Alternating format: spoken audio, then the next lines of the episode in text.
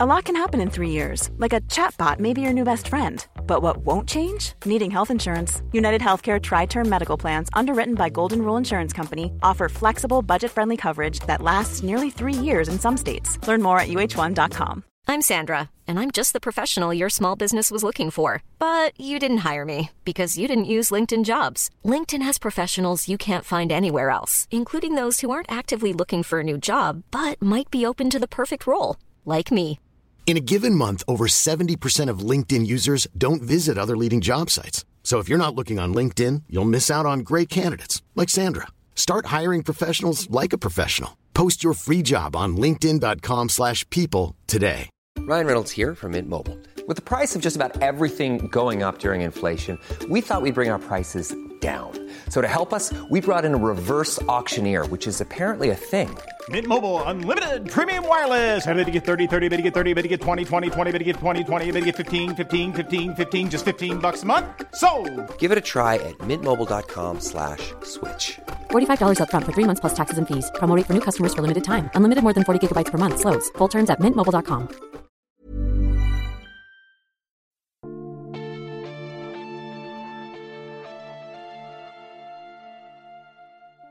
Välkomna till Sagan om Isfolket-podden avsnitt 67 In i det okända.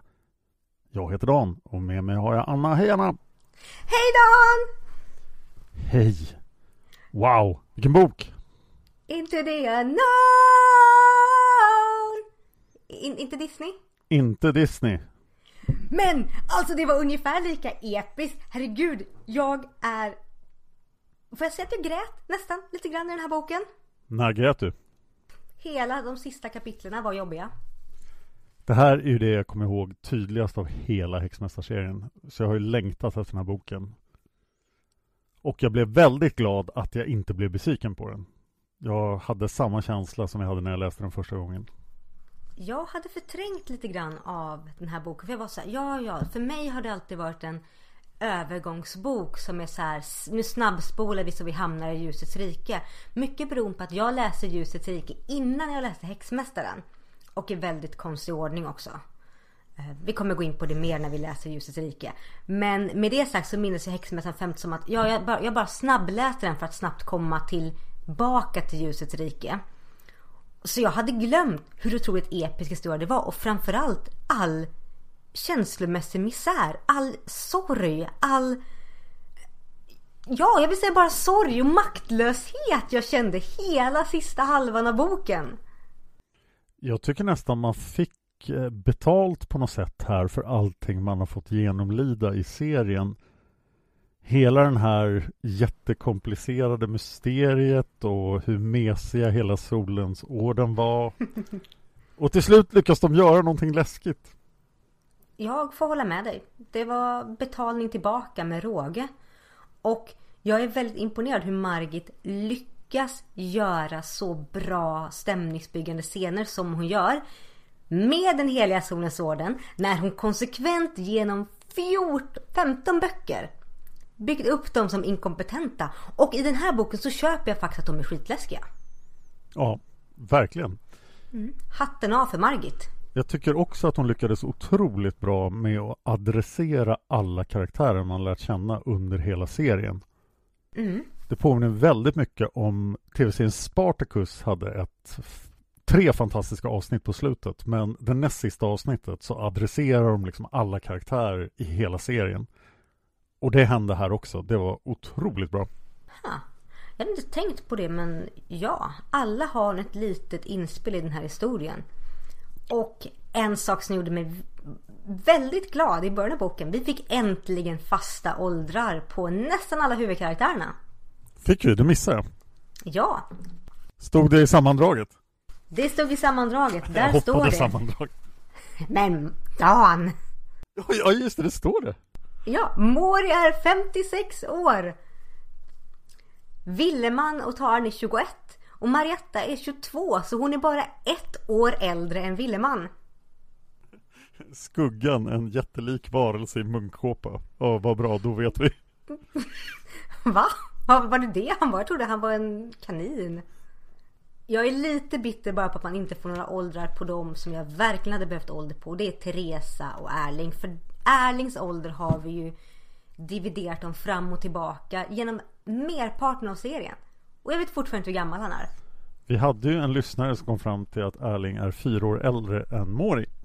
Så då är han 60 år. Ja, det stämmer. Och hur gammal är Teresa då? Hon är ett år äldre. 61. Jag skulle vilja haft åldern på skuggan för att nu får vi helt plötsligt höra att det var 10 000 år sedan det här hände. Och Ja. att det sista biten av lemurernas eh, land hamnade under vattnet för 10 000 år sedan bara. Det var ju flera, ja, många miljoner år sedan förut. Ja, det känns som att Margit någonstans gick tillbaka och rättkollade sig själv. Hon hade alltid pratat om Joldehavet och Joldehavet borde ju vara typ 10 000 år så att Men ändå, i förra boken så reagerade vi över att det var så mycket stenåldern och så. Att det utvecklades. Men nu har hon lagt det rätt i tid. Och jag önskar, kanske hon inte rättkollade sig själv, men jag önskar att det hade varit lite tydligare. Men å andra sidan så är det också lite skönt att vi inte fick alla pusselbitar i förra boken. För det kommer otroligt mycket pusselbitar här som jag älskar. Yes! Ska vi ge oss in i det? Ja, och jag får säga att om jag lämnade förra boken med en, jaha nu är orden sidorna här och det ser väl lite kul ut. Så inleds den här med att jag känner den här skarpa tryckande skräcken i bröstet. För jag känner verkligen att men hur ska, de, hur ska de göra här? Och sen när Mori bara plötsligt blir Nej men vi tar bort andarna och jag vill ju bara skalla honom upprepade gånger i knäskålarna och bara Men Mori, är det nu? Är det nu du väljer att vara ädel? Är det nu du väljer att inte ta hjälp av andarna? När ni är så trängda mot en myr som vill nomma upp er till förmiddagskaffe? Är det nu du väljer detta? Ja, och varför gör han det?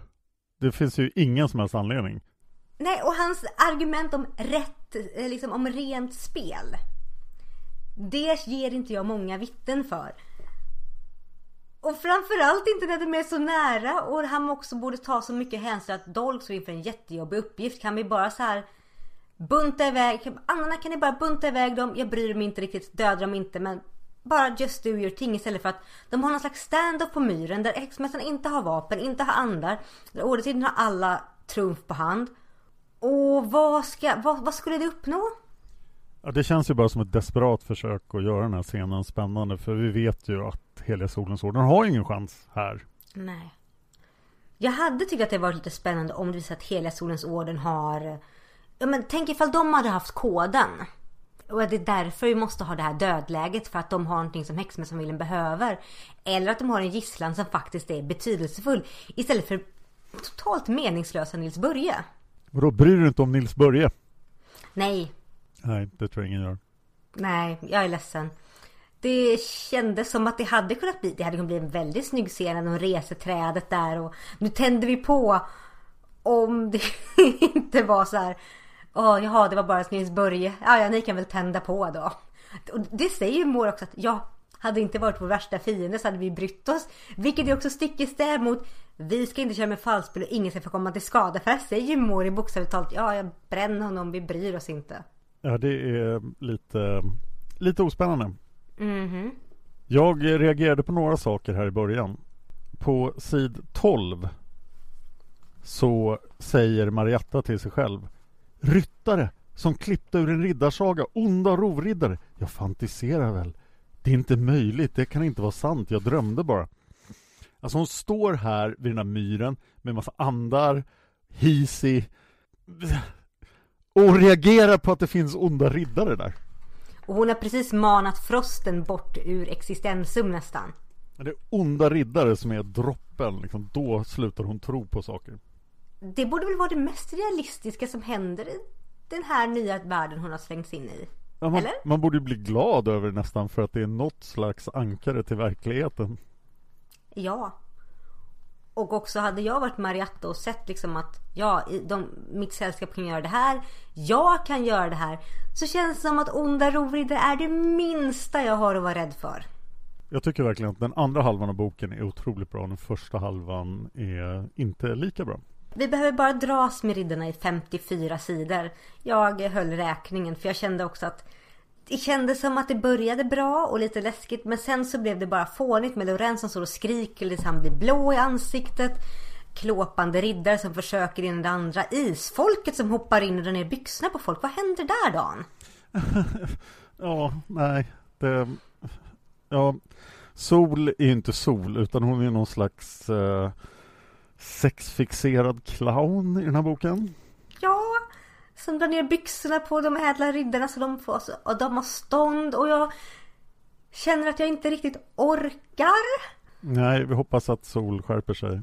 För kära lyssnare som vet att när jag och Dan läste Avgrunden så är Sol fortfarande vår favoritkaraktär och sedan så går det bara ut för och det fortsatte gå ut för när Sol dök upp i Häxmästaren. Och sen också som jag, om jag får gå tillbaka lite grann så säger mor att andra ska inte vara med för vi ska inte ha taskspelarkonster med. Mm. Men sen när de tar en gisslan och börjar hota med att bränna Nils Börje på bål.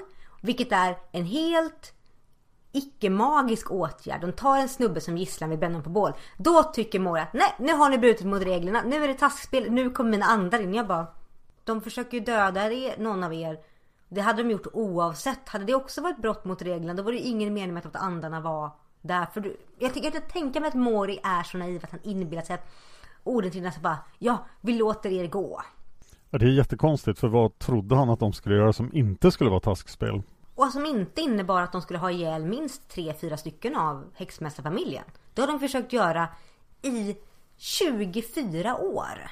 Och det för mig till sid 16 där, där följande mening finns. Maria hade dragit sig lite grann åt sidan som vad hon kände sig vilsekommen i sammanhanget. Hon såg så ensam och patetisk ut där hon stod, en främling som i det sekellånga dramats sista stund hade dragits in i något som egentligen inte angick henne. Nu är det inte 24 år, utan det är ett Nej. sekellångt drama. Hur blev det det? Men räknar vi då från Teresas tid, om vi säger att Teresa då är 61, så räknar vi då hennes livstid så blir det ju ett tre fjärdedelars sekel. Och om vi räknar då lite grann innan hennes tid så kanske det blir Theresenhof, nej inte Theresenhof. Räknar vi innan hennes tid så blir det ju Habsburgarnas.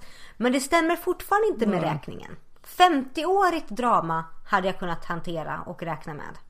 En annan sak jag reagerar på samma sida var Oj. att Marietta då funderar på sin relation till Willeman. Och så säger hon Lite grann tokig var han förstås, men det var bara en del av hans personlighet och han var ju så mån om andra att aldrig skada eller såra någon. Så fick han hellre ha sina befängda idéer ibland. Det där är ett varningstecken i min värld. Ja, vilka befängda idéer har han haft? Vad har hon satt, sett för befängda idéer? Han har väl bara gjort ja. jättebra saker sen han träffade henne. Ja, så den närmaste befängda idén jag kommer på är när han var liten och ville fira ner sig från kyrktornet. Och det känns som att de grejerna har han lagt bakom sig. Det känns som hans befängda idéer är med att han är spontan och eh, hjältemodig. Ja, han verkar ju jättenormal. Mm. Förstår inte alls det där. Inte alls. Men deras historia är ändå rätt fin och den fortsätter i den här boken. Och det tycker jag om för det ger en väldigt jordnära bas för det här högtravande plotten med riddarna. Som tyvärr bara blir fånigare och fånigare. För jag kan inte med Lorenzo så att hon står och skriker och är så kolerisk och arg och bara skiter i allting och bara är patetisk. Och inte ens ögonblicket där Broder Eudes ska mana som hade kunnat bli jättebra blir riktigt spännande. Nej. Som gör det inte blir spännande det är att det inte blir en galdrakamp mellan Mori och Broder Eudes. Utan det är att Mori använder namnmagi och skuggan trycker in kunskap från världshållarnas bok i Moris huvud. Så jag är så här, ja men det här är ju bara fånigt. Ja. När jag läste den här boken högt eh, tidigare idag så använde jag följande röst på Lorenzo för att stå ut med den här passagen. Oh. Jag har en uppfordran till er. Vi vet utmärkt väl att ni gick skämligen tillväga när ni tog våra ordensbröder av daga. Som den ondskans hantlangare du är, Mori, använder du demoner och andra vederstyggligheter för att uppnå ditt mördande syfte. Låt oss se om du vågar ta upp kampen mot oss på lika villkor. Ja, jag hade, tänkt mig, jag hade tänkt mig lite grann som prins John i eh, den tecknade Robin Hood, men det här var mycket bättre. Eh, jag har en eh, svensk fråga till dig. Oh. På sid 20 har vi följande mening. Här är Lorenzo då. Han slängde till vapendragen en dusör och koncentrerade sig på sina fiender vid myrkanten. Vad händer där, tror du? Ja, han slängde till dem en slant för för att de sa någonting. Ja, det tror jag är den rimligaste tolkningen faktiskt. Men jag förstår inte varför han ska dela ut dricks i den här situationen. Nej, och särskilt inte en dricks till ordensbröderna. Hade kanske köpt det om det var till typ någon av drängarna som var med. För de är inte så investerade i uppdraget. Men ordensriddarna har ju ett dedikerat intresse i det här. Personligt intresse. Ja, det var ju den här vapendragaren som hade upptäckt eh, Taran. Så att han kanske fick lite dricks då. Jag, jag känner inte igen ordet dusör. Så att det mycket riktigt betyder det penninggåva, gåva, ersättning. Men det kan också betyda mildhet, älskvärdhet och behag. Men det passar inte så bra in på Nej. Lorenzo. Jag tror att det gör som en liten guldpeng här. Men efter att ha passerat eh, början så sögs jag in i berättelsen och slutade ordmärken. Förutom en grej till, men den kommer senare. det enda som gör det riktigt läskigt här, och då säger jag det Då vill jag ändå att alla ska ha med sig att jag uppskattar verkligen hur Margit bygger upp stämningar i språket och försöker leka så mycket som möjligt med ordensriddare och med att hon försöker att nerfa ner häxmästarfamiljens förmågor. Men det som gör det läskigt är ju inte det att de står med 30 ordensriddare framför dig. Det är att de står med ryggen mot myren som bara vill nomma i sig dem. Och det är ju det verkliga hotet. Och här förstår jag inte heller hur Mori och kompani reagerar. För de vill inte döda dem och de försöker varna dem för myren men de gör ingen större ansträngning att faktiskt bara stoppa dem. Det känns som tanken är god. Men det når inte riktigt hela vägen fram. För jag tror någonstans att Mori och de tycker också att ja fast för sina riddarna så blir det här så otroligt mycket bättre. Ja, det är väl det klassiska godhetens dilemma. Att man känner att man gör gott men det blir inte gott av det. Men man försökte göra gott så det är okej ändå. Mm. The road to hell is paved with good intention. Och här var ju vägen till myren kantades av goda avsikter som ingen riktigt levde upp till. Alls. Men det var ju också ganska väntat att okej, okay, His är jätteläskig, han i myren, Riddarorden inte jätteläskig. De kommer hamna i myren och det gjorde de. Ja, så Hisi fick sitt offer, allting är bra. Och vi fick lite mer information om Hisi också, vilket är att tydligen så har han bara legat där och ruvat som en liten drakhöna. För att han blev kvar där för att folk trodde på honom då och nu kan inte han flytta sig. Men nu när han fått sitt offer så försvinner han för alltid för det finns ingen kvar som tror på honom längre. Vilket är i motsats till som vi lärde oss i förra boken där Hisi var ondskan och Tapio var skogen. Men nu är ondskan borta men skogen lever kvar. Det finns ju ett antal människor där som fortfarande tror på Hisi för de har precis sett honom. Ja, och ett antal människor som också har talat om Hisi och håller honom vid liv. Och vi har ju sett det här i Isfolket, framförallt i de senare böckerna i Isfolket, att Margit är en stor anhängare av det här att man måste tro på en gudom eller ett väsen för att gudomet eller väsen ska få kraft. Men med Hisi som hon har beskrivit som ondskan själv i ena stunden och sen nu bara tar bort för att det finns ingen tro på henne så håller det inte alls. Det hade varit bättre om han bara hade förflyttat sig därifrån just för att han hade fått sitt offer. Ja, precis. Motsatsen här med Tidens herrar i Isfolket är ju att där räckte det med att några läste en serietidning och trodde på dem. Men här är det folk som alltså ser Hisi agera och sen finns det ingen som tror på honom. Då vill jag föra in den här aspekten att om Hisi då hade vägrat att äta upp Odensriddarna. Hade Hisi då funnits kvar för alltid? Visste Hisi om detta? När han gulpade i sig Odensriddarna? Han kanske mer är en naturkraft av något slag. Han verkar inte agera särskilt rationellt. Ja, för, men är han en naturkraft så måste han ju finnas kvar för alltid. Ja, jag tror att vi måste lämna Hisi nu för vi kommer nog ingen vart med honom. Nej, vi, vi är vilse i skogen med Hisi. Ja, Mer med ordensriddarna i myren. Ja, Allt är bra. Men jag får säga att det här, det här är också ett ögonblick att även fast hela första halvan av boken, alla 54 sidorna, är rätt svag. Så är det här ett ögonblick jag verkligen hade velat se en tv-serie. Som avslutas med att ordensriddarna bara blir nerslurpade i myren. För det, det skär i hjärtat när jag ser det här framför mig. Det är läskigt, det är otäckt. Och det hade gjort sig så bra i en tv-serie. Ja, och det är ju ganska tillfredsställande också på något sätt. Eh, ja, jättetillfredsställande. Och vi har fyra ordensriddare som kommer undan för de vill inte vara med. Precis, och två av dem är ju då hetingarna, fursten och prinsen. Woho! Och sen var det Clemens, Demens och eh, Sixten. Sixten. Gud, alltså namnen. Nils Börje, Clemens och Sixten. Ja, Orkar inte. nej. Men fursten och prinsen fortsätter leverera. Ja, de är ju de allra bästa ordensriddarna vi haft och de mest mångfacetterade skurkarna vi fått se på länge. Onekligen, utom Hisi. Utom Hisi. Men så. Ordensriddarna är borta och nu ska vi gå in i den här stora delen av boken som är huvudmysteriet. Och jag är lite glad här att vi faktiskt går tillbaka till Theresenhof och pratar med Erling, Therese och Tiril om hur de ställer sig till portarna. För jag var så arg efter förra boken att bara, ska de bara låta, ska alla bara hoppa med för att det är kul? Men vi får se att de har lite egen vilja och agenda och faktiskt vill följa med. Jag tycker, jag tycker det är jättebra. När, när de väl går genom portarna så köper jag det i... Jag köper att alla de som går genom portarna har motiv att gå genom portarna. Ja, men det är så många. Jag hade glömt att det var alla alver, alla naturväsen och alla människor som dött av, o, av olyckor och olyckliga omständigheter. Alla spöken kändes det som. Ja, Ja, borde inte här seriöst skada spökpopulationen i Norden?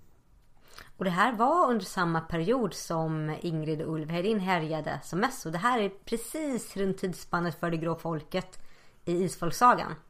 Just det. Mm. Jag reagerade över det väldigt starkt att eh, om alla olyckliga spöken gick igen så varför försvann inte några där och hur knöts det här ihop?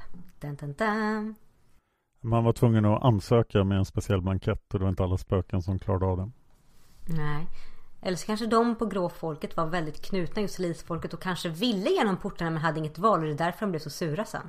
Hur gick själva kallelsen till, till spökena undrar jag? De kanske fick ett mail. Spökmail. Ja, det känns ju som det är någon slags magisk kommunikation men eh, det kanske var spöken som bara nej jag hänger hellre här. Ja, för jag kan ju köpa det med alla naturväsena för där har ju Dolg en direkt kontakt in även de kvinnliga väktaren och de två manliga väktarna från Island har ju vägar in dit. Plus luftens och vattnets ande och vidare. Samma sak med alla Irblos. Spöken? Är det då läromästaren och Ragandi Mori som är vägen in där? Ja, kanske det. Men hur som helst det är ju en jätteskara som ska igenom portarna. Det är en enorm skara. Det här kommer ju leda till en, eh, en immigrationskris i ljusets rike. Oh, allt pappersarbete. Aj, aj, aj, aj, aj. Jag tänkte i flyktingförläggningen. Åh nej, åh nej. Då är det dags att börja fundera på vad 17 är den heliga solen och portarna. Och ja, det, det sker ju i ganska långsam takt men ändå rätt spännande. Ja, och det jag uppskattar här är att vi inte får en recap av och så var det Tiveden igen och det var de här tecknen utan vi får ny information. Jag personligen älskar det här lilla stycket när Uriel sätter sig och går igenom alfabetet eh, och visar att det bygger upp en historia. Det tyckte jag var jätteintressant. Det älskade jag. Och när de gräver där och Få reda på tecknen. Jag gillar det här att Margit efter 15 böcker fortfarande är kapabel att slänga in lite nya saker och knyta det till mysteriet på ett sätt som fungerade rätt bra. Jag är lite skeptisk till att hon ändrar så till att det känns som att tidsräkningen med tiotusentals år har ändrats. Men jag är nog lite, lite kinkig där med det. Ja, men den kanske stämmer ändå. Det har bara pågått väldigt lång tid men det kulminerade för 10 000 år sedan. Inte att Skuggan är en väldigt kass eh, historieberättare. Däremot, eh, jag tycker allting här är bra i princip. Men om man betraktar det här från främlingarnas perspektiv, från de två väktarna, så verkar det ju vara då Alltså varför ska de ha in en massa folk genom portarna? Jo, de har gjort någon slags, det måste komma den utvald och så vidare. Men vill de verkligen ha in alla de här? Och de har ju fler portar, kunde de inte ha löst det här tidigare? Jag förstår inte det heller. Och framförallt den här informationen som de ger, eh, de här två väktarna ger att den här grejen lades ut för skuggan helt och hållet. Det var han som skulle hitta allting. Vilket innebär att det var för skuggan, den kvinnliga väktaren på myren, den kvinnliga väktaren på Island och de två manliga väktarna, vilket var fem personer som då skulle gå igenom, ta med sig de två heliga stenarna och solen. Det sades ingenting om alla irrblossen, det sades ingenting om alla alver, det sades ingenting om spök och naturkrafter. Om det kanske är något commitment då från, från eh, främlingarna att så här, ja men okej, ni får gå in och så här, folk som ni gillar får också följa med. Och de andra portarna ja. kanske bara kan användas av främlingar. Jag tror det också. Och det som gör mig lite konfunderad är att skuggan verkar vara så otroligt övertygad med att jo, de här personerna ska igenom och med. Och alla de här irrblossen är alltså skuggans ättlingar? Ja, och då är det frågan, är det hans barn? Det måste ju vara hans barn, hans barnbarn, hans barnbarnsbarn tills hela hans ättlingar dog ut. Och det, jag tänker mig att det är mer än 100-200 stycken nästan. Ja, jag tänker mig nästan fler än så. Herregud vad han ynglar av sig. Ja, de säger väl det också. Vilket är lite förvånande för han säger själv att oh, de samman i Hamilton var som apor. Jag bara, jo det kan du ju säga. Men du hade uppenbarligen inget problem med att ligga runt. Ja, som historieintresserad då så tycker jag om man då träffade på folk vid iskanten i princip för 10 000 år sedan. Det var ju inga apor. Det var ju Homo sapiens sapiens. De var ju i princip identiska med oss idag. Ja, så vad är grejen med att han ska nedvärdera sitt eget val och sina egna ättlingar genom att de var så lågintelligenta och inte kunde läsa och skriva som påpekas? För det känns lite orättvist. Ja, ja det är lite märkligt. Men skuggans ättlinje blir jag inte riktigt klok på. Men jag älskar, älskar när allihopa samlas och gräver vid myren, får fram tecknen och jag hade glömt bort att porten var den här stora ristningen i berget också. Jag hade glömt bort det Dan. Ja, det var jättemäktigt. När eh, Dolg ska lösa det ensam och då blir jag arg igen. Bara, men varför måste han lösa allting själv? Det är orättvist mot stackars Dolg. Men att han ändå lyckas hitta den här bergshällen där uppe. Det tycker jag är fint. Att han får hjälpa madragerna. Det tycker jag också är väldigt fint. Jag tycker om madragerna faktiskt. Ja, de borde ha fått mer utrymme. Då måste vi, kom jag plötsligt på när jag tänkte på drag det här med att det fanns en annan port i Karakorum i Shangri-La. Vilken lustig parentes och stackars Sigge som inte visste om det. Ja, och när man tänker efter det så Shangri-La har ju varit mytomspunnet i jättemycket olika historier och myter. Det är ju Shangri-La och Atlantis som är mest kända. Men att Margit på ett sätt bara knöt in till, åh det är en port också. Det var snyggt. Varför kunde skuggan inte gå dit? Skuggan var för dålig på orientering. Jag tror att främlingarna helt enkelt inte delar med sig av information till någon. Ja, jag lutar åt det också. Främlingarna verkar ju faktiskt bara mer och mer otäcka. Ja. Vad är det med deras fingrar, Dan? Hur har fingrar sex kanter? Ja, och deras kön. Ja, jag vet, jag vill inte tänka på det. Det är som en jävla tärning. En tärning. Ska vi gå till erotiknatten då? Ja först och främst, var, varför blir det så här mysko-erotisk stämning? Är det för att eh, en främling är ute på våldtäktsstråt, eller? Det är ju lite våldtäktsstråk. Jag klarar inte riktigt av det. Margit är ju ingen, ingen riktig anledning till varför det är en sån het stämning. Det kan ju vara alver, det kan vara någonting annat, det kan vara vad som helst. Det är bara att plötsligt ska vi ha lite ligga-stämning. Den enda logiska anledningen skulle ju vara att det är väktarens natt när han ska gå ut och sätta barn på folk. Åh, jag tycker det är så obehagligt. Det är otroligt obehagligt, men han har ju sin magiska charm eller något så att det blir ju någon form av konstigt påtvingat samtycke. Men, mm. Men när vi ändå pratar om det, då måste vi prata om sid 198 som mm. bevisar mm. att främlingarna är det ondaste som finns i hela den här boken. För att de går och våldtar sovande kvinnor? Ja, annars skulle främlingarna bara inlåta sig med gifta kvinnor och utföra sin handling medan kvinnan var nedsövd så att hon intet visste och trodde att barnet var hennes man.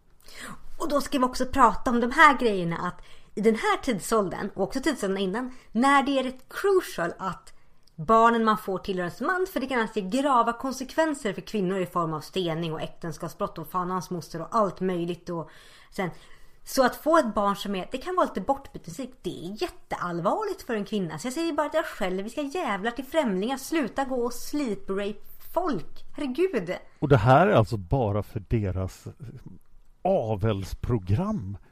De är ju, de är ju nazister. Ja, och det, det, det spelar ingen roll. Jag, jag har så svårt för hela den här sexscenen mellan bergsväktaren och Vionella för att men den är så otroligt Stockholmssyndrom över det hela. Hon bara, åh men han var fin och hans hand mot min kind. Jag bara, nej han var inte fin. Han ville bara få ligga och du var där. Och, ah, orkar inte med saker längre. Jag hade hellre sett en längre sexscen med Willeman Marietta faktiskt. För där fick ja. ju bara att, oh, men de gjorde det hej och hå. Ja verkligen. Det här är jätteobehagligt. Och sen börjar väktaren få en massa snälla tankar och så ska vi tycka att ja men då var det okej. Okay. För att han får snälla tankar och lite så här ömhet för en tjej som han låg med. För att han sa att du är utvald att bära generna vidare. Och jag känner bara att det är en jättebra bas för ett förhållande här. Ops, stor sarkasm från min sida. Jag förstår mig inte på främlingarna. Hur kan de komma här och tro att de är bättre än alla andra? Uppföra sig bättre än andra? Och kolla på med det här rastänket, intelligenstänket och hela alltet. Jag vill bara skalla dem någonstans och säga att men nej, ni, ni två får stanna här ute för alltid. Ni får inte komma hem igen. Lemurerna är ju ändå på något sätt hjärntvättade av främlingarna men främlingarna är verkligen obehagliga. Jätteobehagliga. Uh. Och det får mig att tro så här, vad händer egentligen när man går igenom den här porten och man kommer till deras perfekta tillvaro? De nämner en parentes här att åh, men blir inte lite överbefolkat där inne när ni bara är ni? Och de bara nej, vi har åtgärder för sånt. Och jag bara okej, okay, vad kul. Mm. Att ni har åtgärder för sånt. Och de också har exemplet, ja ni vet väl blir den här regionen där naturkatastrof på naturkatastrof, sånt löser naturen. Och jag bara, mm. Som ni löser med röda stenen i Lemurien då när folk blev förolyckade. Mm. Och, och, hur mm. vet han det? Han har varit nedsövd i 10 000 år. Hur kan han känna till någonting om bengalen? Jag vet inte, jag tycker bara det är djupt obehagligt det här dagen. Djupt obehagligt. Jag tycker också det är obehagligt att främlingarna faktiskt har sövt ner den här stackars väktaren i 10 000 år. Bara för att skuggan ska komma in. Det måste ju finnas en bättre lösning på det här problemet. Ja, jag känner att främlingarna är jätteobehagliga men jag känner för den här stackars väktare som då har varit där ute i tiotusentals år. Har han familj inne som har varit så här, ja han kommer väl hem snart. Nej han kommer aldrig hem. Nej men vad kul. Och just att han skulle komma hem efter 10 000 år och alla främmande tycker att det här var den enda rimliga lösningen. Det är också ohumant tänkande när det gäller respekt för deras egna, inte bara gentemot de som de ser som lägre stående varelser, utan också mot deras egna eget folk. Ja, och det tyder ju också på att det är ett ganska otäckt samhälle de är på väg till. Jag hade ju dragit mig lite extra för detta. Jag måste kommentera en sak som eh, Taran sa. Mm -hmm. Som jag också undrar om hur du tolkar det här. Eh, här ska man då presentera sig för portarna. Och då säger Taran Jag är Taran, Dolgs och Villemans både ohängda och välhängda syster. Ursäkta? Välhängd är någonting helt annat än vad hon tror att hon syftar på. Ja. Alltså ohängda är ju ett konstigt uttryck, men det är i alla fall ett uttryck. Men välhängd. Ja, inte att de attribuerar det på liksom större bröstkorg. Så blir det så bra, för det är inte det som välhängd är. Välhängd tolkar jag som att man har stor Mom deserves the best, and there's no better place to shop for Mother's Day than Whole Foods Market. They're your destination for unbeatable savings, from premium gifts to show-stopping flowers and irresistible desserts. Start by saving 33% with Prime on all body care and candles. Then get a 15-stem bunch of tulips for just $9.99 each with Prime. Round out Mom's menu with festive rosé, irresistible berry chantilly cake, and more special treats. Come celebrate Mother's Day at Whole Foods Market. Hey there, it's Michelle Norris. I'm host of a podcast called Your Mama's Kitchen. When I travel, I'm usually looking for a way to find a taste of home when I'm not at home. And one of the things I love to do when I am at home is entertain. And Airbnb allows me to do that. When I was in California recently, I rented a house that had a great kitchen. And when we were sitting around the table, we we're all thinking, we're in someone else's house. Someone could be in all of our homes as well. If you have a home, but you're not always at home, you have an Airbnb. Your home might be worth more than you think. Find out how much at airbnb.com/slash host. Hi, I'm Daniel, founder of Pretty Litter. Cats and cat owners deserve better than any old-fashioned litter. That's why I teamed up with scientists and veterinarians to create Pretty Litter. Its innovative crystal formula has superior odor control and weighs up to 80% less than clay litter. Pretty Litter even monitors health by changing colors to help detect early signs of potential illness. It's the world's smartest kitty litter. Go to prettylitter.com and use code ACAST for 20% off your first order and a free cat toy. Terms and conditions apply. See site for details. Kuk. Typ, och det har hon inte. Kan vi vara säkra. Nej. Och sen också som säger att min främsta och liksom det bästa jag gjort i livet är att gifta mig med Uriel. Jag bara, ja men bra Taran. Förminska dig själv och bli någons syster. Lite välhängd och någon som du har gift dig med. Istället för att säga, jag är Taran, jag har gjort detta. Jag räddade en gång den blå safiren och jag är den som oftast klarar min familj ut i kniper. Tack så mycket. Apropå Uriel, när han plötsligt får eldsvärdet i tio sekunder. Ja, vad hände där? Ja, då tolkar man ju som okej, okay, de här konstiga himmelsbyråkratin som han kommer ifrån, de, de har koll.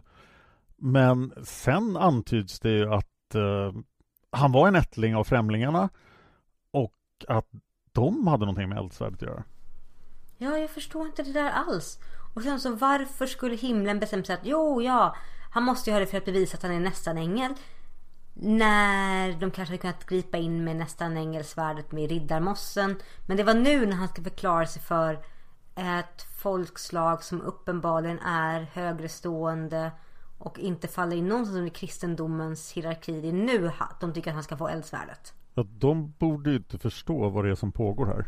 Känner jag. Nej, de borde ju dragit någonstans i varningsklockan och bara ursäkta det händer vad på jorden med vad för någonting och stort ljus. Vad är detta? Men ja, de är väl en organisation som inte fungerar särskilt bra i den här berättelsen heller. Nej, jag tror att Margit ger dem en liten slänga i början när hon säger att ja, de där uppe är mest bra på att gnälla. Så jag bara okej, okay. tack Margit. Har vi något mera vi måste kommentera innan vi ska börja gå genom porten? Det som jag tänkte på är att vi har en scen där Dolg ligger i sängen och faktiskt upptäcker att ja, men jag har en kropp, jag är människa. Jag börjar ta på sig själv också. Ja, och det är lite fint för att hur ofta har vi sett det tidigare? På ett fint och, på ett fint och ömt sätt. Ja, det är sant. Och också det att vi här får svart på vitt bekräftat. Nej men det var skuggan som valde hans. Han, han tog bort alla Dolks behov av kvinnor och liknande för att det inte skulle störa. Och att vi där får det svart på vitt och att det tycker jag är en viktig detalj för, för det spelar så väl in på Dolks ensamhet vad som händer senare i boken. Ja, och det är ju jättetaskigt gjort av skuggan. Ja, och just med argumentet, ja du ska inte sätta massa barn till världen. Jag bara, nej men skuggan bara för du var tvungen att ligga med allting som rörde sig. No slot shaming med skuggan men han hade kunnat tänka lite längre kanske. Lite längre. Så innebär det inte att Doll kanske behöver göra det också. Det kanske direkt med att bara typ så här. Det här gäller tills efter uppföljt uppdrag. Men nu verkar det som att för all evighet. Det tycker jag är lite hårt.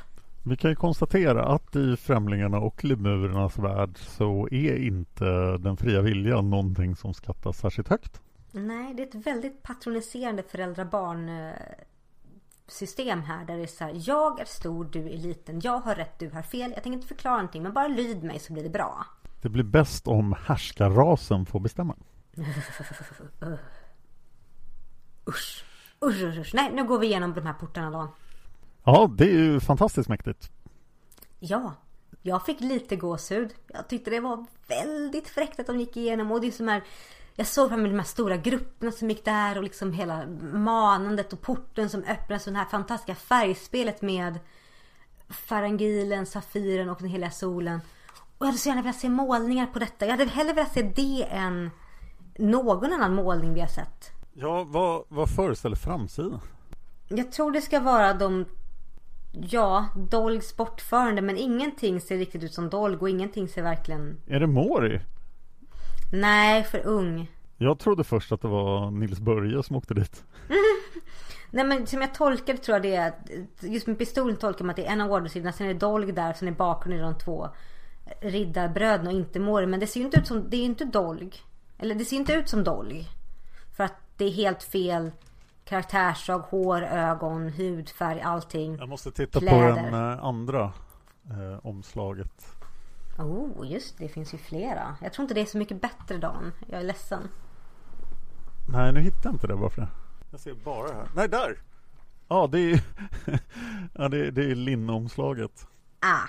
Ja, ja det var ju, det var ju annorlunda. Jag tror jag ändå väljer linneomslaget. Alltså jag tror vi kan konstatera här med kärlek till alla som har ritat omslag är att omslagen inte var vad vi väntat oss. Och det är förmodligen för att alla har specifika bilder av hur karaktären ska se ut. Men ofta så går ju karaktärsbeskrivningen i böckerna rakt emot vad som visas på omslagen. Och det tycker jag är synd. Strunta i karaktärerna, visa portarna och farangiler och safiren. Ja, precis. Det kunde bli så stämningsfullt, herregud. Och jag hade som sagt glömt nästan allting som hände på slutet. Eller jag visste att ja, det kommer bli ångest och jobbigt och Mori och Doll kommer inte gå igenom. Men jag hade glömt hur bra Margit beskrev detta. Det är otroligt bra och man är ju invaggad i sån säkerhet här genom mm. alla böckerna att det här kommer att gå bra. Det, man ja. bara, ja, det här kommer att sluta lyckligt. Och så slutar det allt annat än lyckligt och jag älskar det. Ja, och det här är nog första gången i serien som jag känt att jag gått från att titta på scenen utifrån till att jag faktiskt är i scenen. För när just när Doll går där med liksom så här, går långsamt mot porten och så blir det mörkt framför ögonen. Då känner jag bara att oj shit det blir mörkt framför mina ögon. För jag känner att Margit skriver. Att plötsligt tar hon mig och sätter mig i Dolls ställe. Så jag känner hans förvirring, maktlöshet och att det är mörkt framför mina ögon. Vad är det som händer och allting. Och sen blir det bara svart. Och sen går jag ut igen och får se liksom som en åskådare när Mori bara sticker ner ordensridaren för han är så desperat. Han är så rasande. Och portarna har stängt så ingenting är vackert. Det är fantastiskt bra. Ja. Och just att Dolg inte märker Moris problem heller, så han vet ingenting om Mori. Nej, och det är ju ännu mer sorgligt.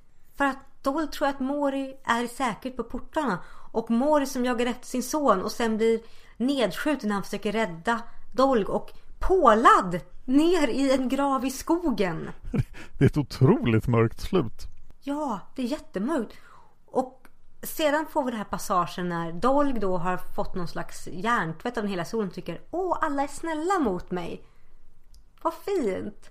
Jag tycker det också var fantastiskt bra för att det man har ingen aning om vad som ska hända på slutet. Man, man tänker bara oj, det finns en till port på Island. Ja, han kanske kommer igenom den så blir allting bra ändå. Men nej. Jag känner så starkt med Dolg när han sitter där i Dräckarkil och inser att det inte finns någon port. Att han bara, det är här jag dör nu. Och han har sökt och letat så länge. Ja. Och det blir ju en oväntad räddning på slutet förstås. Men den är ju jättebra. Men jag undrar här också för de... Ja. Ja, det, det, är lite obehagligt. Det är också så här, Det är bara, obehagligt. Nu, nu får du följa med oss och hänga i alvlandet. Ja, och bara Almen bara Vill du inte följa med oss? Jag bara Varningssignal och Dolph bara Jo, jo absolut. Bra, då åker vi. Och jag bara Ah, jag har läst tillräckligt många historier om hur folk hamnar i underjordiskas våld för att veta att det här inte är bra. Jag tycker också fursten och prinsen behåller sin läskighet hela boken igenom. De blir aldrig löjliga. Och det här svartsjukedramat är ju jättebra. Ja, vi får bekräftat att de faktiskt är ett par. Ja, och mm. de dödar inte Rolg utan för det hade säkert blivit jobbigt i deras relation. Så det är bättre att bara skicka iväg honom till Island och bara haha. Ja. Och bara så här, båda så här, jo men jag är glad att det är vi igen och det är bra att några på den onda sidan kan ha ett hälsosamt förhållande med varandra. Det är fint. Så får de rida ut hand i hand och mot sin egen soluppgång. Ja, de lämnar hela historien eh, någorlunda lyckliga. Ja, precis. Det är det här så levde de lyckliga alla sina dagar slutet som vi hade hoppats att, Do att Dolg och Mori hade fått. Men nu slutar vi den här bokserien med Mori nerpålad i en grund grav i skogen i evig sömn och Dolg i alvlandet. Vi vet inte hur det går med att de andra får reda på om Dolg och Mori saknas, om de ens kan komma ut igen eller vad det är som händer. Och där lämnade ju Margit väldigt snyggt med att hon är så här, ja det blir nog en till serie. Vi får se vad den heter. Bakom eh, portarna eller den andra världen? Det vet vi inte ännu. Hur lång tid var det mellan de här böckerna kom ut? Jag vet faktiskt inte riktigt. Den här boken, Häxmästaren nummer 15, gavs ut 1994. Jag tror att det var ganska snabbt emellan. Jag har fått berättat för mig att eh, om man prenumererade på, på X-mästaren så i princip fortsatte prenumerationen med Ljusets rike. Men jag tror att när Margit skrev slutordet på X-mästarhistorien så tror jag att hon inte hade bestämt vad sagan skulle heta. Jag, hon hade, jag skulle gissa på att hon hade huvuddragen klara. men inte vad bokserien nästa skulle heta. Och nu vet vi att det är Legenden om ljusets rike. Det känns ju som att det måste ha varit tid däremellan. Ja. Ja, jag vill säga en till sak. När, när vi kom till Island där och Dolg då, då blev jag invaggad i säkerhet igen för Margit gick in i sitt så här bara Åh, jag älskar Island-mode, kolla Ja. där, det fjället och den askan och den vulkanen. Jag bara okej, men nu, nu kommer han ju hitta en port. Men nej, Jag hade i alla fall hoppats att han skulle träffa Hadla igen. Och de nämns ju lite så här, ja Hadla och Bjarni, de har flyttat dit. Så jag hade ändå så här hoppats på det. Det fanns alla positiva tecken på att det här kommer gå bra. Ja, det gjorde ju det. Plus att eh, de karaktärerna blev nämnda också, vilket jag var väldigt glad för. För det hade ju varit Mm. jättedåligt om de inte hade blivit det. Mm. Men det blev inget lyckligt slut. Kan det här vara den bästa cliffhangern Margit har gjort? Ja, det, det är jag nog beredd att gå med på. Jag tycker också att det här är den bästa boken i hela serien, förutom bok tre. Jag tänkte säga det. Bok 3, sen bok 15, sen bok 14 för mig. Bok tre trodde vi fortfarande att det skulle bli en bra serie. Ja, men som sagt. Det känns som att med bok 15 så räddar Margit upp en väldigt kavig serie till att bli någonting som faktiskt känns som en bra avstamp för nästa serie. Och det är det som är det viktiga, att vi vill fortsätta läsa vidare nu när vi lagt ner Häxmästaren. Jag känner mig inte klar med det här. Jag har massa oavslutade frågor och funderingar. Jag vill läsa vidare. Och det lyckas ju Margit med. Det gör hon onekligen. Och jag vill också läsa vidare. Vi har en iTunes-recension. Okej. Den är från Mandership. Med rubriken Glädje. Fem stjärnor. Oh! En helt underbar podd. Jag har nu lyssnat på 42 avsnitt på två veckor och börjat ta mig kapp. Jag hoppas verkligen att ni kommer fortsätta med Ljusets rike också. Ja, det kommer vi göra. Efter att Anna fick en ny mick blev ljudet verkligen bättre. Innan lät det lite som att Dan var i studion och Anna pratade på telefon. Ni är verkligen underbara. Keep going strong. Tack så jättemycket. Jag har inte fått en ny mick på flera år, men tack ändå. Ja, men det var ju där eh, i början. Ja, just det ja. Gud, jag har lyssnat från början så är ju typ en 20-30 avsnitt där med, när jag faktiskt sitter med hörlurar. Ja, det, det är, vi är långt över fem år nu. Vi börjar bli gamla Dan i våran poddande. Tänk dig att sitta och lyssna på dig och mig. 42 avsnitt i två veckor. Jag tycker att det är en bedrift. Jag är imponerad och eh, jag känner på lika delar så här.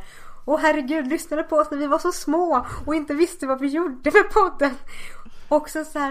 Vad fint att du lyssnar på oss och för att du följer med hela vägen. Det gäller förstås alla er lyssnare.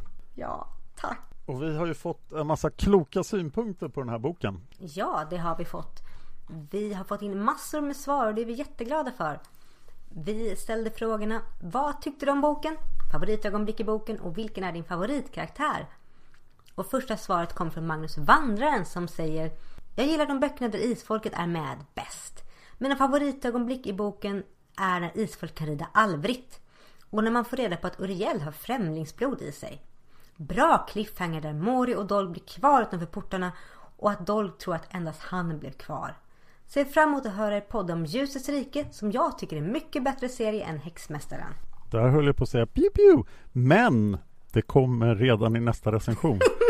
Den är från Cinzia från Nor som säger Okej, nu kör vi! Peppa ljusets rike! Pew pew! Pew pew! Vad tyckte du om boken? Efter att ha gnällt över de senaste böckerna så är detta verkligen en positiv överraskning. Boken är långt ifrån perfekt, men så mycket mer intressant än de senaste sattygen vi dragits med. Här lyckas faktiskt riddarna med någonting. Inte Lorenzo såklart, utan prinsen och fursten. Vilka Dolg fortfarande verkar ha en crush på utifrån Dolg-premisser. Prinsen och fursten ställer till med ganska stor fara och kommer undan med det. De rider nästan ut i solnedgången med ”Det är skönt att vara två igen”. Med tanke på hur queerkodade jag känner att dessa två herrar är, är detta det mest romantiska slut för två homosexuella män so far. Jag tror de lever lyckliga alla sina dagar i något av deras slott, The End. Det var den boken. Just det, häxmästarfamiljen, whoopsie. Alltså jag har fortfarande svårt att känna för dem. Jag bryr mig faktiskt inte så rysligt mycket om dem. Och andarna är ännu värre. Våga vägra andar. Hämta andedammsugaren och förpassa dem till en annan dimension. Men, ett mycket positivt men. Den här boken är spännande och levererar en riktigt bra cliffhanger för nästa serie. Blev extremt överraskad första gången. Att de ska in i det okända känns verkligen. Mystik och spänning nästan rakt igenom. Sämsta ögonblicket? Osäker. Känner mig ganska kluven till hela grejen med Fionella och bergväktaren. De verkar ha det ganska trevligt stunden, men han måste ha våldtagit massor av kvinnor i sömnen. Herregud, vad är det här? Och det skulle vara okej okay, eftersom kvinnorna trodde att deras make var fadern. Like I don't even. Edward Cullens tittar på sovande Bella och jag är en snäll stalker-attityd. Känns ju nästan rimlig i jämförelse. Verkligen inte något jag trodde jag skulle känna någonsin. Önskemål. Jag har ett extra avsnitt där vi diskuterar könsroller och sexualmoral i hela trilogin. Och kanske ett om queer och diversity. Please. Någon annan som skulle vara intresserad av detta? Ja, berätta för oss i så fall. Det låter som en utmaning. Mm. Cynthia från Nord fortsätter. Favoritögonblick i boken. Haha, när riddarna förstör gör så att Dolg och Mår inte kommer in. Det här är den största skadan orden gjort under alla böcker. Äntligen blir det några konsekvenser för att vara godtrogna och dumma. Inte för att Dolg tar hinten ens då. Haha, stackars Dolg. Det är inte lätt att vara så förkrossad. Att man får minus 100% på alla sense motive eller upptäcka faraslag. Dolg som funderar över sin brist på sexualdrift och undersöker sin kropp intressant men han vet inte att han snart Kom... Va? Nej, nej, nej, nej, spoiler! Um, ja, det var bra där men uh, det måste vi spara. Favoritkaraktär? Prinsen och fursten. Även om de är onda allt så lyckas de ställa till det för Dolg och Mori rejält. Lura Dolg att de är snälla, hur godtrogen får han vara? Och prinsens sätt att verka relaterbar är för komiskt. Så här många slott i Siebenburgen har jag. Hur många har du? Ja, men då så. Insta connection uppstår mellan båda parterna. Lätt. Men det låter som en bekant till mig som berättade att hans livs största insikt var att han var privilegierad. Eh, hans livs största insikt över att han var privilegierad var när han fick ett jobb som chef på en matbutik. För han hade aldrig sett medelklassen handla tidigare. Tyvärr en sann historia som personen i fråga trodde skulle göra honom mer relaterbar. Oh, Gud. Prinsen är typ lika bra på att passa in. Det får mig att skratta mer än bara lite. Trots att Dolg stundtals är dummare än ett stereotypt våp i delar av boken gillar jag honom här mer än någonsin tidigare. Han känns både mänskligare och sårbarare. Scenen i Drekagil, hur man nu ska stava det, är riktigt hjärtskärande. Margit är så bra på att skriva storslagen natur och atmosfärer och här använder hon den isländska naturen på ett vackert sätt för att förstärka Dolgs lidande och smärta. Sju av tio alrunor! Jämfört med förra boken är detta ett enormt kliv framåt. Woho! Nästa svar kom från Vanja Lind som säger Oj, vad mycket cliffhangers på en gång. Får se om jag orkar vänta med Ljusets rike till ni börjar podda om den. Jag är så nyfiken på vad som händer, även om jag redan läst den flera gånger. Och Vanja, om du inte orkar vänta så kommer vi slänga upp frågetrådar om, de, om böckerna pronto under nu, under de här dagarna. Och Vanja säger, vad tycker du om boken? Jag kände att den var lite av en transportsträcka. Men jag hade nog känt annorlunda om jag inte läst den tidigare. Den snyggt uppbyggda stäm- spänningen den snyggt uppbyggda spänningen med Hisi och myren för förra boken fick ett lite snörpligt slut. Det hade velat ha mycket mer drama och gärna mer av Mariettas kunnande också. Hela boken blev mycket bara hopknutande av trådar och jag saknat få följa en karaktär mer på djupet så som i Frostens dotter. Liksom när jag läst Häxmästaren och Ljusets rike tidigare tycker jag att Främlingarna, Bergväktaren och Solväktaren är rätt obehagliga. Scenen med Bergväktaren och Fionella tycker jag inte är särskilt romantisk. Särskilt inte när man pratar om barnet. Särskilt inte när han pratar om barnet i Skavla och att det ska få hans intelligens. Främlingarnas sexkantiga fingrar och annat känns som en väldigt märklig detalj som jag har svårt att se framför mig. Och då ska vi inte ens prata om det faktum att de brukar ligga med sovande ovetande kvinnor och befrukta dem. Vad i hela helvete är detta för sjuk grej egentligen? Jag hade redan glömt det sen förra gången jag läste serien och nu vill jag glömma det igen. För det är verkligen bara obehagligt och hemskt. Jag håller verkligen med om Cincia från Nors önskemål om ett extra avsnitt med fokus på sex och könsroller i Margits böcker. Hade varit otroligt intressant och där inte var någon brist på saker att prata om. Favoritögonblick i boken Scenerna med först Konstantin och prins Radu i slutet. Favoritkaraktär då Vanja? Vanja säger Först Konstantin och prins Radu, definitivt. Jag insåg under läsningen av den här boken hur mycket jag saknar isfolkets onda eller halvonda drabbade. För häxmästarfamiljen är så extremt goda och präktiga och det finns inget som skaver i karaktärerna, vilket gör det lite tråkigt emellanåt. Tycker det är hädelse av Tarn att tänka att hon och Sol är av samma sort när Sol är en intressant och komplex karaktär, innan hon blev ande i alla fall. Och Taran bara är irriterande. Då är det trevligt att prinsen och fursten finns åtminstone. Jag är glad att de överlevde och fick något slags lyckligt slut tillsammans och jag hade gärna läst fanfic om dem. Prinsen och fursten på nya äventyr. Ja. Nästa inlägg kommer från fröken Karin. Hon tyckte om boken. Ni gjorde ändå det jag tänkte att jag inte skulle göra. Alltså läst boken men inte skrivit ner tankar med en gång. Och läste Frostens dotter och In i det okända direkt efter varandra. Ett enda stort gegg, ja ja. Det är ändå stundom lite spännande men mest är känslan Gud vad skönt att det är över. Fast det är ju inte över, eller? Jag minns ändå känslan av frustration över att den inte fick ett ordentligt slut. Att Mori ligger levande begravd. Att man inte får veta vad som händer med andra. Att Dolg är typ ensam även om man får ett lite trevligt slut hos alverna. Något som är helt glömt bort. Jag började inte läsa legenden om Ljusets rike direkt efter Häxmästaren första gången. Minns idag inte varför, men jag var nog trött på Sandemo och fattade inte att de hörde ihop typ. På baksidan på del 1 av Ljusets rike så nämns... Nej, det här kan vi inte ta. Nej, nej, nej. spoiler. Nej, nej. Favoritögonblick i boken? Snarare mina favorithatögonblick. Varför går Mori med på att inte använda andarna? Det är väl orimligt korkat? Vadå hederskodex? Ska han hellre dö än använda andar? Känns som ett lika korkat beslut som karaktär fattar i skräckfilmen alla inser att det kommer att gå på röven. Sur blir jag! Vad är det för jädra lösryckt sexakt med Fionella? Och återigen, intelligens och kunskap är inte samma sak. Hon blir våldtagen trots att hon inte kan så mycket. Hon är inte ointelligent. Dessutom himla bra timing att hon råkade ha ägglossning precis då också. Hashtag försökte bli gravid ett år innan det tajmade rätt.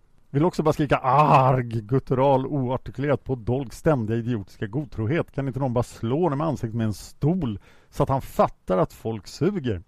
Okej. Okay. Ska vi ge ett favoritögonblick så måste det dock vara när prinsen och fursten dödar Mori och följande begravning. Det gör så satans ont i hela mig när han dör och man vet att Dolg åker åt fel håll, att alla andra är borta. Det är riktigt bra skrivet. Favoritkaraktär? Jag tycker inte extra bra om någon. Nero kan få vara bäst. Also, ska man utgå ifrån att fursten och prinsen är homosexuella? Är detta ytterligare ett sätt att få oss att tycka illa om homosexualitet, även om det inte sägs att de är dåliga? Då det känns som ett grepp för att få oss att tycka illa om dem så tycker jag inte om det. Hade det beskrivits mer som riktig kärlek och inte en ploj vid onda grej så hade jag tyckt bättre om det. Ska bli riktigt skönt nu när häxmästaren är klar. Ska bli skoj att få bryta av med lite önskeböcker för att snart dra igång och läsa Ljusets rike igen. Se fram emot de stora skämskuddarna vi kommer behöva plocka fram när Margit ska beskriva sin eh, fantastiska sci-fi-värld. God jul till er och all pepp. Vi spelar in det här dagen innan julafton. Ja, that's what we do. Nästa svar kom från Hanna som börjar med angående igelkottar. Ja, de tål inte mjölk men de dricker det om man ger dem det. Lite som Anna säger, att det är som med barn och godis. Bra att ni tog upp det. Ge inte igelkottar mjölk. Och Anna, jag gav också igelkottar mjölk när jag var barn. Visste inte bättre. Tack Hanna. Hanna fortsätter. Men nu till In i det okända. Denna mediokra serie slutar med en hög ton. Jag har tyckt att Häxmästaren är bättre än Legenden om Ljusets rike, men nu är jag skeptisk. Ska bli intressant att gå igenom Ljusets rike mer här. I alla fall, tack och lov för sammandraget, annars är jag nästan helt lost i vad som händer. Tycker bättre om Frostens dotter än den här boken, förutom slutet. Det var ju klart redan i förra boken vilka som skulle bli Sisis människooffer. Roriddarna går under, men inte utan en standoff. Av någon anledning är roriddarna så farliga att Mori går med på att låta andra sitta på utesittarbänken så länge roriddarna lovar att inte vara brutala. Men snälla någon, är det dags nu när häxmästarfamiljen är så nära målet att låtsas att de faktiskt bryr sig om hur eller när rovriddarna dör? Och varför måste utgången vara död hela tiden? Vi lär här att andarna kan stoppa kulor. Den kan väl bara skrämma iväg rovriddarna? Och andarna kan ju utan skrupler bara skrämma ut rovriddarna i träsket. Så hepp, allt löst. Nej, jag köper inte att rovriddarna är ett hot. Det enda jag kommer säga om isfolkets inblandning är att Margit skapade ett stort slukhål i sagan men isfolket nu lär sig alvritt. Jag har aldrig varit ett fan av namnmagi. Det känns som en genväg för författaren att få fram information och i denna bok är det inte nödvändigt. Så det är slutet på rovriddarna. Ja, eller fyra överlever. Däribland de två snyggingarna, prinsen och fursten. De hyllar Dolg, varför inte, och rider iväg. Alla kommer tillbaka till Mariettas stuga och Dolg börjar ta på sig själv i mörkret. Och jag blir upprörd.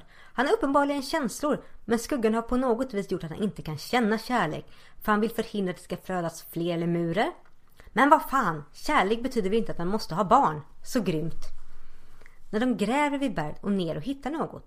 Konstigt att han inte bara kan säga vad han hittar eftersom han har en språkbricka. Tack och lov får vi en anledning till varför alla vill följa med bakom portarna. Det fick vi inte i Frostens dotter. När Dolk hittar solen och snackar med främlingarna. Tiden är all over the place. Jag har svårt att förstå när allt hände. Och vilka är tyrannerna? De nämndes i Sagan om glömda riken om jag inte minns fel. Jesus, förlåt Dolg, hittar solen.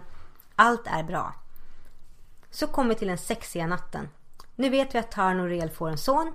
Och lilla oskyldiga Fionella blir, får uppleva något fantastiskt med en utomjording. Allt slutar ju väl. Men hur tänkte främlingen att sätta barn på Fionella? Jag visste att han sa att han tänkte vaka över henne. Men hur mycket stöd skulle det kunna vara för henne utan att avslöja sig? Det här är 1700-tal. På sidan 128 har de tagit bort en mening när man lyssnar på ljudboken. Tack lilla flicka. Det lämnar en fadd smak i munnen efter främlingen gjort vad han ska, säger så. Kanske, tyvärr kanske hon var en liten flicka. Margits böcker har inte åldrats väl. Jag tror inte Margit menade illa när hon skrev sina berättelser. Hon skrev det hon ville skriva. Hela serien är full av hål och karaktärer håller inte upp. Men vilken cliffhanger! Favoritögonblick? När Dolk klappar blomman i drakklyftan. Favoritkaraktär? Först Konstantin och prins Radu. Tack för det och här har vi vår iTunes-recensent Mandership som skriver sitt första inlägg på forumet. Välkommen till Yay! forumet Mandership. Mandership säger Hej hej! Nyföding här på forumet. Eller ja, jag är faktiskt nyföding på hela poddgrejen. Jag började lyssna på poddar för cirka två månader sedan och Seriemördarpodden var min debut. Efter det fortsatte jag med Mördarpodden. Och eftersom jag tydligen inte kan höra nog av Dan sökte jag på Dan Hörning och hittade världens coolaste podd. För även om jag är nyföding på forum och podden så har jag läst alla Isfolket, Häxmästaren och Ljusets rike minst tio gånger var. Vad tyckte jag om boken? Allt som allt en bra bok. Känns lite som en mellanbok trots att den ska avsluta serien. Jag gillar verkligen att Margit inte skrivit lyckligt slut. Det har ju visserligen grund i att jag älskar Ljusets rike och på så sätt känner att Häxmästaren bara är en mellanserie. Jag skulle nog plocka bort Margits efterord, bara sluta med att Dolg rider iväg med alverna och känna mig lite tom. Nu bygger upp mycket förväntan inför nästa serie innan den här är avslutad. Favoritdel av boken, sid 54. Jag gillar när riddarna blir slukade av myren. Alltså inte just den delen att de dör utan känslan som Margit förmedlar i sitt målande språk. Citat, smackande ljud. Försvann med en suck. Ett belåtet sörplande. Otroligt obehagligt för en plats att in, ingiva den här känslan som jag får. Sid 101. Jag älskar att de presenterar sig för en bergvägg. Den här scenen känns som att den lätt skulle kunna vara löjeväckande men jag känner bara vördnad. Citat från sid 171. Stel som en saltstod såg Dolg på dem, på deras längd, deras ädelhet, deras olikhet från människor och han förstod vilka de var. Äntligen gick ett ljus upp för honom. Men det måste sägas i hans försvar att det inte hade varit så lätt att tänka klart när så mycket hände. Han reste sig och gjorde en djup reverens för dem. Ja, han måste faktiskt undertrycka en önskan att få falla på knä för dessa ståtliga varelser. Gråten satt i halsen på honom. I är icke lemurer, sa med oklar röst. I är främlingarna. Slutcitat. Wow, jag älskar det här stycket. Gråten stiger i ögonen och jag ryser i kroppen. Sen kommer ett stycke som jag är tvetydig inför. Och det är stycket jag läste upp tidigare, alltså det här. Annars skulle främlingarna bara inlåta sig med gifta kvinnor och utföra sin handling medan kvinnan var nedsövd så att hon inte visste och trodde att barnet var hennes man. What the fuck? Så främlingarna begår våldtäkt men det är okej okay, för kvinnan vet inte om det och hon får ju ändå ett stjärnbarn av det hela. Hur lyckas Margit skriva detta så casual så att jag knappt blir upprörd? Det gör mig upprörd att den meningen nästan går omärkt förbi om ni förstår hur jag menar. Favoritkaraktär? Får man säga alla? Alltså jag är verkligen en sucker när det kommer till sammankomster. Jag älskar dem hela högen. Om jag måste välja en så är det nog Dolgen då. Jag är inte så jätteförtjust i honom men i den här boken får man ändå följa hans känslor och tankar mer än tidigare. Till sist vill jag bara säga tack för en underbar podd. Det känns helt överväldigande att ni tycker så lika som jag i många frågor och såklart blir helt rasande när ni tycker fel. Haha, men ärligt, hur kan ni inte älska Bakom fasaden med Elisabeth och Vemund Tark? Ähm, ja, vi går vidare! Men det är väl en styrka med, eh, med Margits böcker att man kan hitta olika saker man tycker bra om? Ja, precis. Vi har ett till svar från Cinzia Fornor som säger lägger in en minisågning av hela serien här. Så alltså äntligen har vi tagit oss igenom Häxmästaren. En serie som mest känns som ett rollspelsäventyr på både gott och ont. Vi läser alltså rollspelsloggen.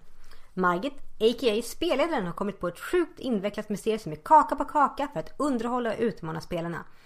Hon har dolt dock glömt bort att ge rollpersonerna restriktioner och låtit dem, särskilt Mori, slå massor på hjältetabellen. Massor med hjäl hjälpare, hjälteförmågor. Det betyder att samtliga skurkar som spelade Margit skapar blir nedkämpade superfort för att karaktärerna bara är för mäktiga. Ytterligare ett problem som uppstår är att spelarna inte alltid vill göra vad spelledaren planerat. Allt från att Dolg låter de snygga riddarna gå till att de är jättedåliga på att rädda Tiril. Ibland glömmer även spelarna bort vilken personlighet deras karaktärer har eftersom det går långt mellan mötena.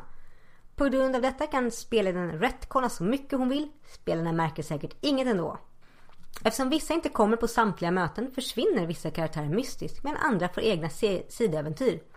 En karaktär som drabbas särskilt detta är Katrine som spelas av Erlings spelas temporära flickvän. När de gjorde slut karaktärsmördades Katrine och den nya flickvän tar över NPC-Teresa. Alla är glada. Plottuck för nästa äventyr. Ljusets rike är planterad och vi ser särskilt fram emot Dolgs och Moris öde. Det värsta konstighet som uppstår är att främlingarna, som jag tror att Essilmarir tror är snälla, beter sig som nazister. Det som är ännu konstigare är att endast vissa verkar reagera på detta. Främlingarna är onda! Det har jag tänkt hela tiden. Superonda! Främlingarna är ondskan. Dum, dum, dum. Nästa svar kommer från Ursula Horn som säger Som alltid tänkte jag göra det här i mycket bättre tid. Men tur att man kan skriva på mobilen på väg till jobbet och tur att jag skrivit ordentligt med anteckningar medan jag lyssnat. Så det blir lite mer en punktlista som jag har rättat konstiga stavningar så ni ska förstå vad jag menar. Fantastiskt intro, sätter sagostämning jag inte har känt på länge. Undrar hur länge den ska hålla. Halvbra uppgörelse med att sätta andarna i spel. De känns alltid så krystade men det är fint att de försöker i alla fall. Det är alltid kul att se ett äckligt ex bli straffad men det känns ändå lite orättvist mot Nils Börje att dissa honom med citat Kände hon Nils Börje rätt hade han bara sitt eget elände i tankarna nu.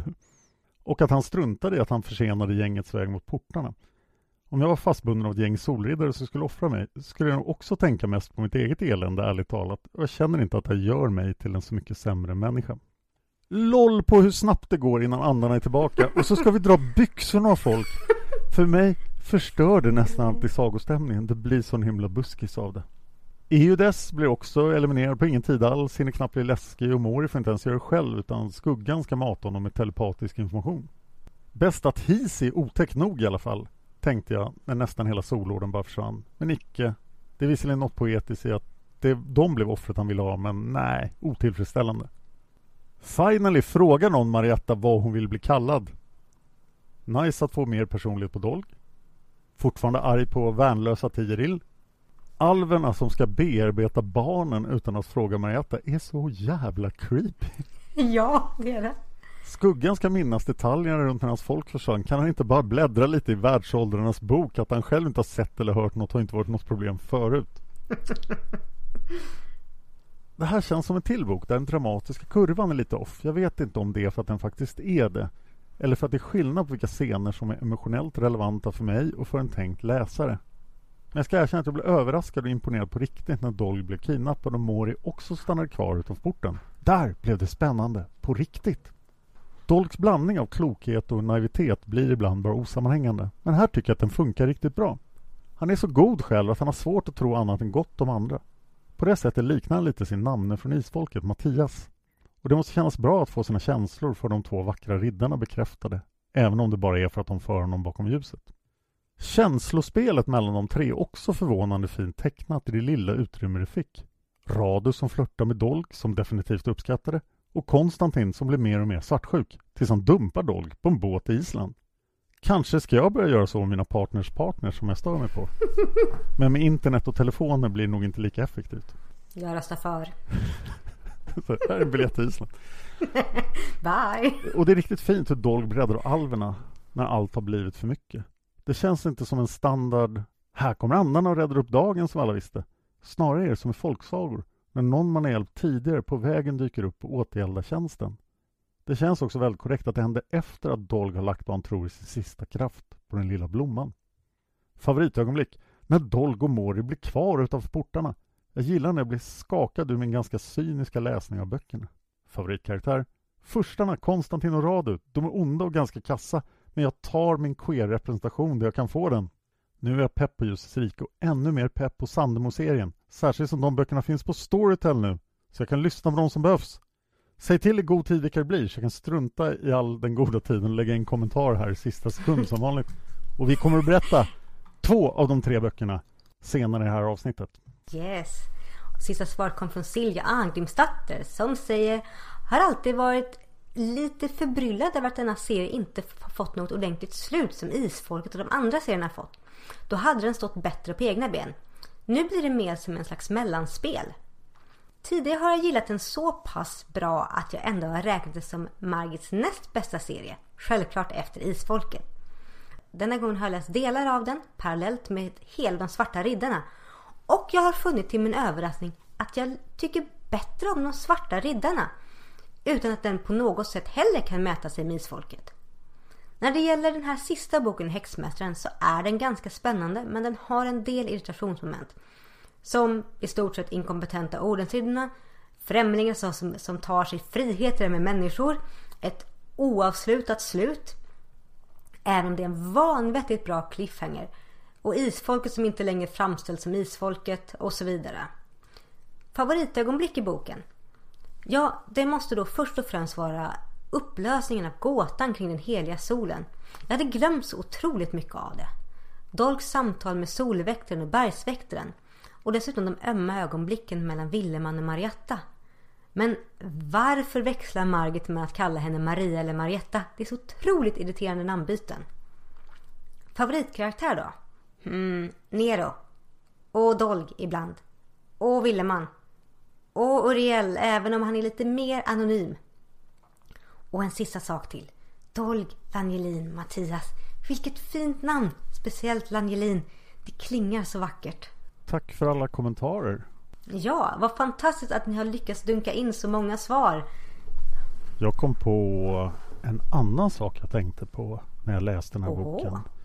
För de som sett tv-serien Westworld så slutet på säsong två tänkte jag på väldigt mycket här när portarna öppnades och ja, jag ska inte spoila Westworld men det finns en väldigt liknande scen där. Spännande. Och då var det också så här, vad, är det verkligen bra att gå igenom porten eller inte? Nej, Margit bygger ju väldigt mycket i den här boken på människans längtan efter det okända och det spännande. A.k.a. gräset är grönare på andra sidan. Westworld är en intressant tv-serie som den första säsongen är otroligt bra, den andra säsongen är ungefär 30% sämre och den tredje säsongen Oj. har ungefär 30% sämre än den. Oj, nej, det ska ju gå åt andra hållet. Ja, men det är ändå värt att se den så att den rekommenderar jag väldigt mycket. Speciellt första säsongen som går att se helt fristående från de andra. Det är intressant. Innan vi går in på vilka böcker som vi ska gå in podden i mellantiden så ska vi ta och tacka våra Patreons. Ja! Vi har en så lång lista nu Dan så att jag får ta ett rejält andetag här. Lyxproblem. Gud ja. Tack så mycket alla ni som sponsras på Patreon. Så tack Elaine Annasdotter, Kickan Ahlström, Jenny Johannesson, Elin Olausson, Elin, Johanna Gustavsson, Anna Järedal, Mia Westerberg, Josefin Westman, Lisela Liselott Andersson, Hanna Eriksson, Mona Elisabeth Austad, Eidan L Rydhammer, Ingrid Johansson, Julia Mason, Eva Martinsson, Solveig Gudnadottir, Desiree Lindmark, Monica Nyhus, Magnus Rask, Marita Vio, Yes, Maria Andersson, Mystika Ferry, Petronella Thorén, Alba Lundström Ramirez, Hanna Naversjö och Karin Källström. Tack så jättemycket jätte, jättemycket. Jag har sagt det förut men jag gör alltså 14 poddar och det finns inga lyssnare som är så bra som er. Det finns ingen podd som har så många sponsorer på Patreon per lyssnare och vi har nu alltså fått 72 iTunes-recensioner och vårt genomsnittliga betyg är 5.0. Det, det är ganska bra. Det är helt fantastiskt. Och det är er förtjänst. Ja, och jag får säga att Dan, vi har hållit på i fem år nu och jag ska säga att jag hade aldrig trott att vi skulle hålla på så här länge och Det är väldigt mycket på grund av er fantastiska lyssnare. 2021 blir alltså det sjunde året som vi gör det här, den här podden. Åh herregud. Ja. Jag vill också påminna, nu börjar vi ju med Ljusets rike. Håll er kvar där så vi, så vi fortsätter med Ljusets rike. Och sen, särskilt då till kanske dig Silja Angren, så att vi har ju en poddnivå till över detta. Där ni kan gå in och kolla. För får vi fler patrons så poddar vi nämligen om de svarta riddarna. Ja, jag har inte ens läst den. Jag vill läsa den. Du, du har inte läst Nej, den jag har inte läst den. Åh herregud! Och du kommer älska den. Det kommer bli så mycket historiska hörnor. Oh, den är jättebra! Ja, jag, jag var ju där på Ren med Margit när hon höll på att skriva den. Ursäkta? Jag var på floden när hon höll på att skriva Svarta Riddarna. Hon sa så här, jag ska skriva en till grej. Det, det blir lite mystiskt. Dan, Ja.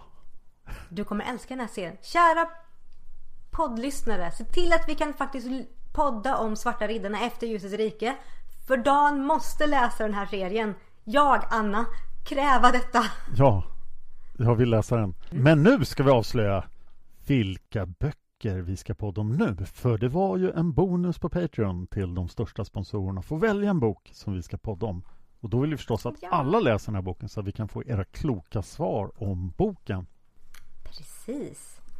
Och vi har tre patrons som ligger på denna nivå. Och den första bok vi kommer podda om är Tornet i fjärran. Spännande! Den ligger här på bordet faktiskt. Jag har den framför mig. Tornet i Oh, Jag har fjärran. också skaffat den. Ingen aning om vad den handlar om. Den har inte heller läst Inte förut. Det kommer bli jättebra. Det kommer bli bra, tror jag. Och den andra boken vi ska podda om, det kommer bli Häxmästarens borg. Som alltså inte har någonting med Mori att göra. Nej, det är mycket borgar här nu.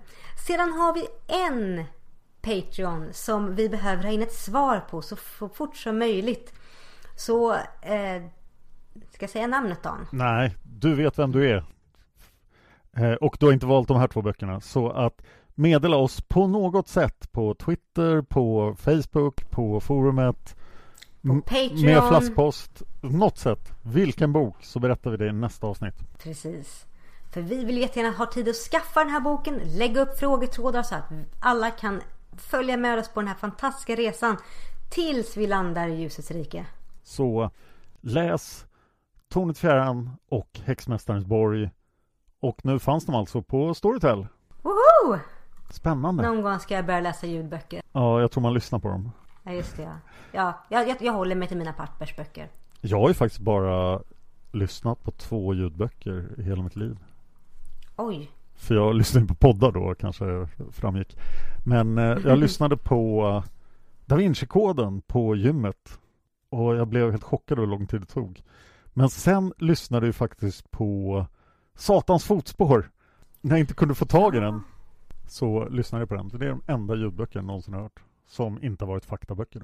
Spännande. Jag har inte lyssnat på en enda ljudbok i hela mitt liv. Och fattar du hur eh, sällsynta vi är? Alltså ljudböcker är ju en jättestor grej. Ja, jag vet. Jag är ju väldigt traditionell. Jag var och köpte nya böcker. Ja, eller jag beställde hem nya böcker nu senast idag fick hem dem. I mitt fall är det ännu värre för att jag läser inte böcker längre heller. Så att det här, den här podden är mitt enda sätt att läsa böcker. Om jag läser böcker så är det bara faktaböcker. Så att det här är min enda skönlitterära input som är text. Så att det här, det här är, det är viktigt för mig att vi fortsätter så jag kan fortsätta läsa. Svarta riddarna, here we come, nästa gång. Annars blir det bara en till bok om Palmemordet. Eller potatis. Nej, det var ingen bok. det var Wikipedia. Ja, jag fick ju höra att mitt avsnitt om potatis i podden Så med Dan Hörning är mitt bästa poddavsnitt i år under 2020. Så att eh, lyssna på avsnitt 12 av Så med Dan Hörning där jag berättar allting om potatis. Och var med oss när vi firar potatisens dag den 26 oktober 2021. Alla är vaccinerade. Alla har potatis. Det kommer bli underbart. Får jag äta pommes frites i så fall? Det är också en form av potatis. Ja, det fina med potatis att du väljer själv vilken form av potatis du vill äta. Mm. Då, vill jag ha, då vill jag ha pommes frites och jag vill ha hasselbackspotatis. Och sen vill jag ha eh, sötpotatispommes också. Jag tror inte sötpotatis faktiskt är en potatis. Men vi får se. Jag behöver ju tillbehör till min potatis. Ja, det är sant. Bara, bara ha någon potatis. Ja, ja, pommes frites. Potatis är någonting personligt. Någonting som gör dig till den du är. Okej kära lyssnare, vi behöver läsa fler skönlitterära böcker för ni hör vad det detta gör med Dan. Ja, jag, jag är bara så chockad över slutet på den här boken att jag, att jag babblar vilt nu. Det var en väldigt bra bok. Men nu blir det Tornet i fjärran. Tornet i fjärran! Och vad kan man hitta mer av dig då? Förutom när du pratar om potatisen. Jag vill bara prata om potatis. Okej, Nej, Du, du, du får potatisförbud. det går att hitta mig på, på Twitter och Instagram. Jag heter Dan Hörning så jag är lätt att hitta för ingen annan heter det. Varje en av mina poddar har en egen Facebook-sida men inte Instagramkonton om det inte rör sig om Mördarpodden som jag gör med Josefin Måhlén för där har hon fått för sig att sköta ett Instagramkonto för den podden. Mördarpodden tar upp mord och försvinnanden och vi gör i dialogform och vi är lite lättsamma och försöker ha roligt. Det innebär att den har 3,2 i medelbetyg på iTunes eftersom den har massor av folk som hatar den. Men den har också massor av folk som älskar den. Så att om ni vill höra mig och Josefin Måhlén prata lättsamt om jättehemska saker så ska ni lyssna på Mördarpodden. Var hittar man mer av dig, Anna? Ja, jag finns på Twitter. Där är jag som allra mest aktiv nu för tiden faktiskt. Finns under Anna Seras, så gå jättegärna in och följ mig där. Jag har en Facebook-sida som heter Setsuna Seras. Gå jättegärna in och gilla min sida för där postar jag en hel del roligt också. Jag finns på Instagram under Setsuna Seras. Sen har jag lite andra projekt på gång men det är Twitter, Instagram och min Facebook-sida där ni hittar mig allra lättast. Nämnde jag mina politiska avsnitt om eh, pandemin i förra avsnittet? Jag tror faktiskt inte du gjorde det. Då måste jag nämna dem nu.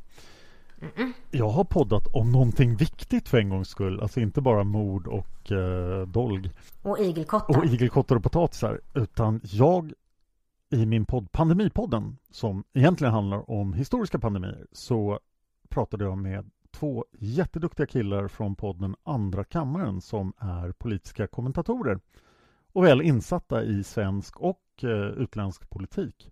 Och då pratade vi om den politiska hanteringen av pandemin och de sa otroligt mycket kloka saker. Så att jag bidrog inte med så mycket men de var väldigt kloka och det är tre avsnitt i Pandemipodden. Oh, spännande. Jag lärde mig massor. Jag borde ha mer kloka gäster i den podden märkte jag. eh, ja, nej, nu är det dags att åka till det där tornet vi ser där borta i fjärran. Inte Disney-sånger igen? Jo, eh, kom igen med en Disney-sång nu. Sjung! Inte det någon! ja. ja, dit kommer vi efter tre mellanavsnitt nu. Då ska vi faktiskt gå till den andra sidan porten och se vad som finns där. Mm. Men vi ska till Torn och Häxmästarborg och ett ställe vi inte riktigt vet. Och det ska bli så kul detta! Spännande! Det här är faktiskt första gången i den här podden som, eh, som din bok som jag inte har läst innan. Dun, dun, dun. Det är jättespännande. Och sen blir det pju, pju, pju! Pew, pew! Och nattsvarta rosor. Åh, jag älskar den boken så mycket. Margits bästa bok. Ah, kanske inte. Tack så jättemycket. Vi är klara med Häxmästaren Dan. Oj, oj, oj. Wow! Och tack för att ni var med på den här resan. Ja, ni är fantastiska kära lyssnare. Följ oss nu genom portarna. Hej då!